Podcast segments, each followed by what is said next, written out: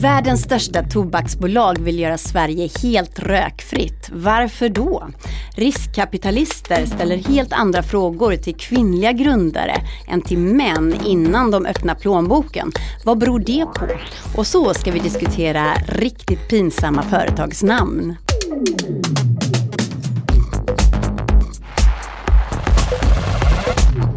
Hallå och välkomna tillbaka. Den här veckan börjar Breakits podcast så här.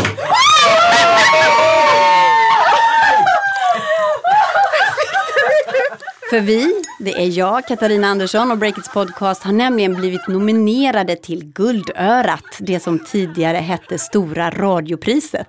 Och kategorin som gäller är Årets programledare i podd. Jag och hela Breakit är såklart oerhört stolta över det här och hoppas såklart att vi kniper priset. Men nog med firande nu, för nu drar vi igång veckans podd med några snabba nyheter från veckan som gått. Stockholms stads skolplattform som har kostat skattebetalarna en miljard kronor har hamnat i blåsväder. För i veckan upptäckte en kodare att det var lätt att få ut personuppgifter på alla lärare och elever. En allvarlig säkerhetsbrist alltså. Och till och med elevernas omdömen gick att komma åt i systemet. Och nu har Stockholms stad stängt av tjänsten för att täppa igen säkerhetshålet. Det har varit fullt krig i den svenska ljudboksvärlden de senaste månaderna. Och det är de två jättarna Storytel och Bonnier som har varit i luven på varandra. Bråket har handlat om ersättningen till Bonniers författare och jätten Bonnier har blockat sina nya böcker för Storytels boklyssnare. Men så igår, dagen innan David Lagerkrans sista Millenniumbok, Hon som måste dö, kom ut, så blev de båda jättarna överens. Det är fred och glädje i ljudboksvärlden alltså. Ansiktsigenkänning ska börja testas i butiker i Stockholmsområdet inom kort. Det har vi berättat om tidigare. Men om det är helt lagligt att skanna av ansikten på kunder, det har hittills varit oklart. Men i veckan så kom ett utslag från Datainspektionen som åtminstone ger en fingervisning om vart det kan vara på väg. En skola i Skellefteå som har testat ansiktsigenkänning för att pricka av elevernas närvaro har fått bakläxa. De fick nämligen böter böter på 200 000 kronor. Och detta trots att eleverna själva hade godkänt att bli ansiktsskannade före lektionen. Snart här i podden så ska vi prata om misslyckade företags och varumärkesnamn. Hur snett det kan gå när man ska in på en internationell marknad och inte tänkt igenom det här med namnet riktigt. Honda träffar ju inte helt rätt här i Sverige när de lanserade en bil som hette Honda Fit till exempel. Så fortsätt lyssna, det här blir spännande. Hallå alla poddlyssnare! Det här är Stefan Rundell på Breakit. Jag står här med min kollega Olivia Lindström och vi ska säga att veckans podd sponsras av Atea, Nordens största leverantör av IT-utrustning. Atea jobbar hårt med hållbarhet och idag har de tänkt tipsa om tre saker som just ditt bolag kan göra för att eh, bli lite mer miljösmartare. Eller hur Olivia? Ja, precis. Så här kommer då tips nummer ett. Köp miljömärkta produkter, till exempel märkningarna TCO eller Energy Star.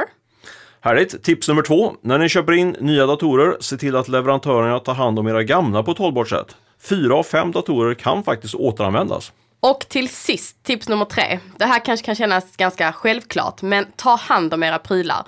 Använd mobilskal och bra datorväskor och rengör utrustningen ibland.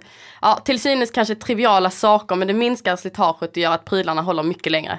Och därmed behöver ni inte köpa in nya grejer lika ofta, vilket är väldigt bra för miljön. Tack för de här tipsen Atea och eh, även tack för att ni sponsrar vår podd.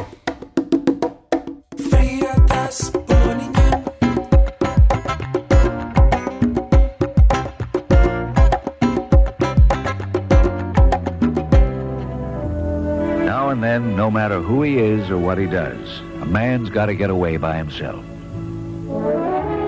De skapade The Marlboro Man och fick världen att röka. Nu ska tobaksjätten bli ett techbolag och vädjar till politikerna att förbjuda ciggförsäljning i Sverige.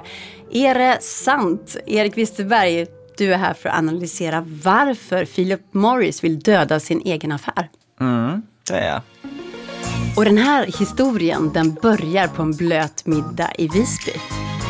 Det är mitt under Almedalsveckan och ett 70-tal personer, då jag inkluderad, bussas ut till en fest arrangerad av PR-profilen Daniel Redgert och influensen Margot Dietz. Petter Stordalen är där, Viktor Frisk, Per Schlingman för att nämna några och vi sätter oss till bord för att käka där. Och snart plockar en av mina bordsgrannar fram en liten ask som visar sig vara en ny e-cigarett och han berättar snart att han jobbar för Philip Morris och att han är nu stolt över att jobba för ett bolag som inte längre är den där onda jätten som lever på sig. Och han säger att Philip Morris, ägaren av Marlboro, ska kämpa för en rökfri värld. Och det där blev en snackis såklart vid bordet eh, och killen från Philip Morris höll hov sen under kvällen. Okej, men det låter som att du träffade på någon som var väldigt passionerad när det gällde sitt eget jobb. Mm, men efter middagen, då visade det sig att typ alla som jag pratade med också bara råkat få en sån här tjomme från Philip Morris till bordet. Oj! Så, och som också hade berättat samma story. Vi kunde liksom jämföra vad de hade sagt. Så för mig var det ganska uppenbart att Philip Morris var där av en anledning och kanske till och med hade betalat sig in på den här middagen. Ah, så du var med om en intrikat marknadsföringsplan Jag här. kände mig smutsig. Men om vi zoomar ut lite grann här så är ju Philip Morris ett ganska intressant case ur ett affärsperspektiv. För historien är ju full av bolag som har dött eftersom de inte har klarat av att förändras när deras kärnaffär raseras eller utmanas. Nu tänker jag direkt på Kodak, alltså de som inte vågade ta klivet till digitalt foto. Nej, det gick inte så bra. Eller svenska Facit i vårat paradexempel, de säckade ihop totalt när japanerna körde om med digitala miniräknare. Och ofta hänger sådana här fiaskon ihop med att företag inte vågar riskera att utveckla nya produkter som utmanar deras egna största intäktskälla. Lite som när vissa medieföretag vägrade starta nyhetssajter eftersom de tjänar så mycket pengar på sina älskade papperstidningar. Mm, och då blir följden att någon annan gör det istället och då dör företaget. Så vi borde ha lärt oss av historien. Eh, men, men din spaning i det här handlar ju om SIG och Philip Morris. Ja men det är ju bolaget som byggde upp hela glamouren kring rökning. Ni kanske minns reklamen med The Marlboro Man. Flera av de reklammodellerna, eh, de dog ju faktiskt senare av lungcancer. Det är hemskt men ironiskt eh, lite roligt. Och rökning idag är ju ganska ohett. Faktum är att antalet rökare i Sverige har halverats på tio år. Och här kommer det lite sjuka då. I början av sommaren så vädjade Philip Morris cigarettjätten till Sveriges politiker. Vet du vad de sa? Nej, de ville väl slippa rökförbud på uteserveringarna. Tvärtom, snälla Stefan Löfven och alla politiker sa de, sätt ett slutdatum för cigarettförsäljning i Sverige. Det då trots att bolaget idag tjänar nästan alla sina pengar på just sig. Och jag ringde upp eh, deras Nordenchef och hon sa till mig att hennes mål är då citat att ta död på vår huvudinkomst och att de ska citat sluta sälja cigaretter. Men det här är ju inte klokt. Det är inte heller klokt att inte det här blev en supernyhet i somras. Det var någon som missade den helt enkelt. Men, men varför gör de på det här viset då? Ja men det korta svaret är ju att de inte vill dö precis som deras Marlboro-män gjorde. Och det långa svaret då? Det långa svaret är väl att de försöker göra en Netflix. Det är lite svårt att tänka sig nu, men Netflix tjänade en gång i tiden alla sina pengar på att skicka ut fysiska DVD-skivor till folks brevlådor. Och de fattade ju snabbt att den affären skulle försvinna och då hade de modet att tidigt satsa på en egen streamingtjänst. De gjorde House of Cards och resten är ju historia som vi brukar säga. Så vad är Philip Morris motsvarighet här då? De har plöjt ner miljarder kronor och tusentals timmar för att komma upp med en techpryl, en liten pennliknande sak som ska göra att du kan röka tobak utan att röka den. Den heter IQOS. Det står för I quit original smoking. Oj. Och den kostar ju rätt mycket då. Den kostar tusen spänn att köpa den här devicen. Och sen följer, fyller man den med små tobaksstickor som kostar lite mindre än ett vanligt paket cigg. Mm. I quit original smoking alltså. Eh, och de har precis öppnat en egen butik för att sälja den här prylen då vid Stureplan. Ja, de satsar ju allt på att få folk att köpa den. Eh, Samtidigt försöker man också liksom branda om sig till ett lite coolt techbolag. I bakgrunden finns ju också det här företaget Juul som har gjort e-cigg glödhett i USA. Det värderades till 360 miljarder kronor när just Philip Morris ägare köpte in sig i det bolaget förra året. Och att min gissning är väl att Philip Morris ser en mer lönsam nisch tona upp sig här och vill åka med på det tåget innan det är för sent. Men eh, när ska Philip Morris helt och hållet sluta sälja cigg då? Alltså riktiga cigg. Jag försökte pumpa dem lite på det. Någon svarade på mail att teoretiskt sett kunde de göra det imorgon. Men så blir det inte riktigt. Och deras Nordenchef Anette Rosengren, hon kunde faktiskt inte svara på när det skulle ske. Det ska väl tolkas mer som ett liksom visionärt uttalande som ska generera uppmärksamhet. Eh, Mm. Men deras nya grej här nu då, att, eh, att kunna röka tobak utan att egentligen röka tobak. Alltså, är det verkligen bättre för hälsan? Ja, den här hettar ju bara upp tobaken, den brinner inte. Och det deras huvudargument är då att då slipper man massa av de farliga ämnen som frigörs i en vanlig cigg. Men de får ju typ inte säga att det är bättre för hälsan eftersom de inte kan marknadsföra den här grejen i Sverige. Och det är omdiskuterat. Enligt en studie som Reuters berättade om så kan de här så kallade heat not burn-ciggen faktiskt skada dina lungor lika mycket som vanliga cigaretter. Så det säkraste är väl att göra som du gjorde en gång i tiden. Ja visst, alltså, jag slutade röka när jag var gravid, det var jävligt länge sedan. Och sen dess har jag tuggat nikotintuggummi och jag skäms varje gång jag säger det. Och jag fattar inte att jag säger det i den här podden. Hur många år sedan var det? 19 år sedan, jag har tuggat nikotintuggummi i 19 Time år. Time to quit. Hallå! Det här är Olle på Breakit och speltechbolaget Kindred sponsrar Breakit-podden den här veckan. Och som vanligt står jag här med utvecklingschefen Sören Törnlund. Sören, Kindreds vision är att bli det mest vetenskapliga och datadrivna speltechbolaget, eller spelbolaget överlag i världen. Varför har ni den visionen? Med 40 miljoner transaktioner per dag och hundratals miljoner kundinteraktioner genererar vi ofantliga mängder data. Vi är övertygade om att vi kan lära oss massor genom att studera datat.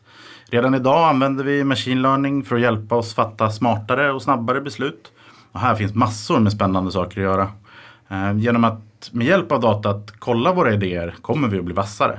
Ju fler beslut som baserats på ett bra underlag desto bättre. Du, vad tror du kommer hända då med de konkurrenter som inte jobbar lika intensivt och hårt med data på det här sättet? De företag som inte utnyttjar möjligheten att lära sig av kunderna kommer troligen att halka efter. Från ett tekniskt perspektiv gäller det att förbereda sig i tid. Skalar inte saker tar det tid att åtgärda. Vår erfarenhet är att vi i stora datavolymer ser hur saker som behövs fixas på ett tydligare sätt. Det blir tufft för dem kan man säga, en kort eh, journalistrubrik. Eh, tack för eh, pratstunden Sören och tack Kindred för att ni sponsrar podden.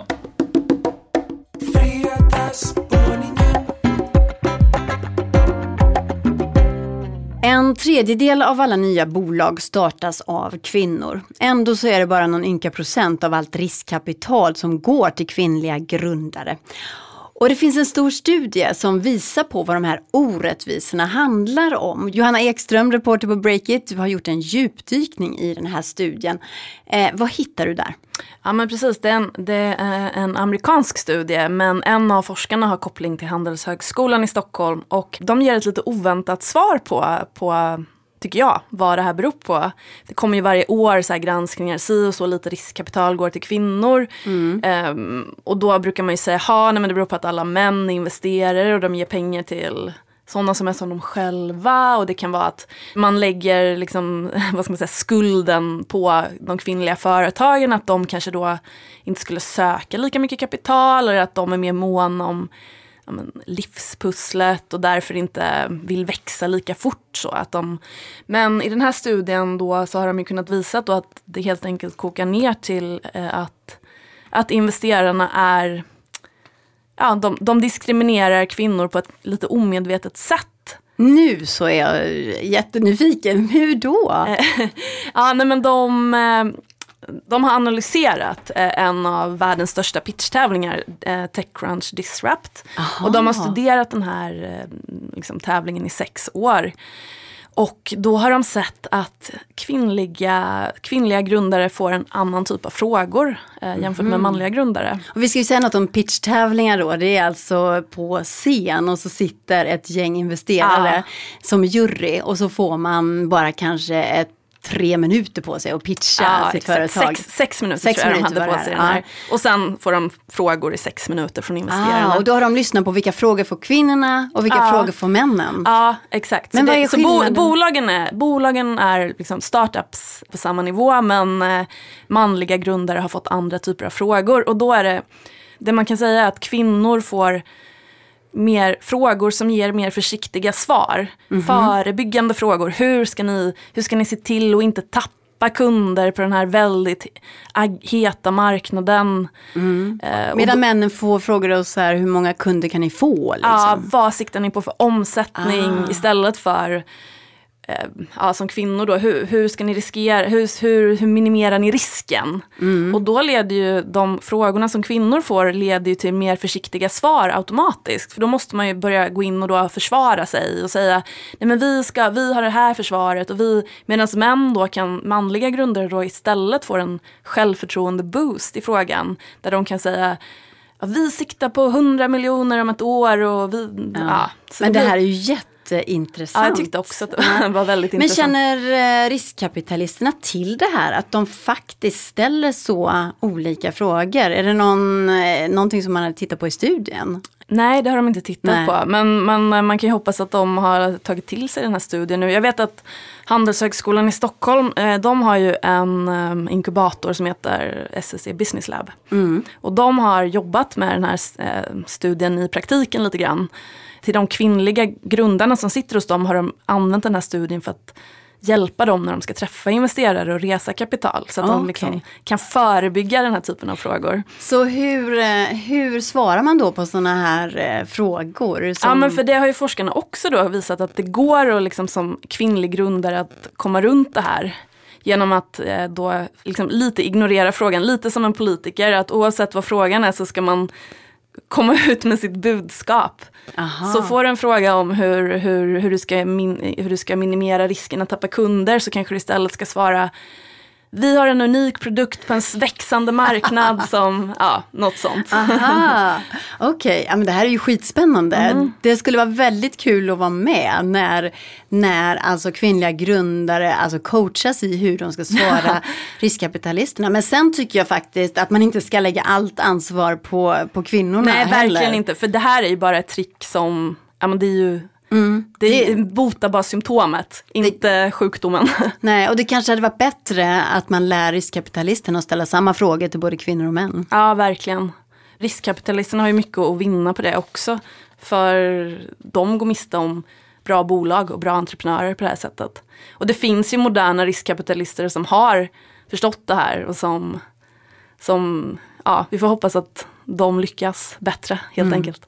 Tack för den här intressanta spaningen Johanna. Tack. Hejsan, det här är Stefan Lundell på Breakit och jag har den stora äran att presentera Miss Hosting som poddsponsor den här veckan.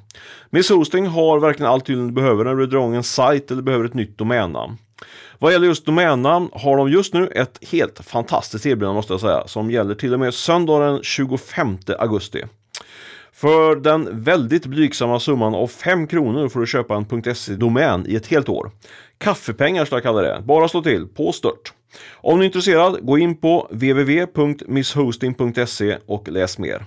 Men gör det snabbt, 5 kronors erbjudandet gäller bara fram till midnatt den 25 augusti. Tack Miss Hosting för att ni sponsrar vår podd.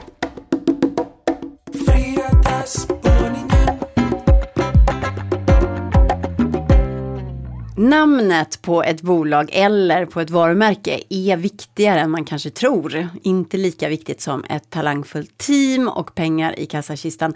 Men det kan gå riktigt snett när namnet inte lirar på den internationella marknaden. Tove Boström, du har kommit hit till studion. Du har tittat närmare på det här med namnproblem i veckan och pratat med ett företag som sysslar med just det, alltså hitta på namn till helt nya bolag. Berätta mer.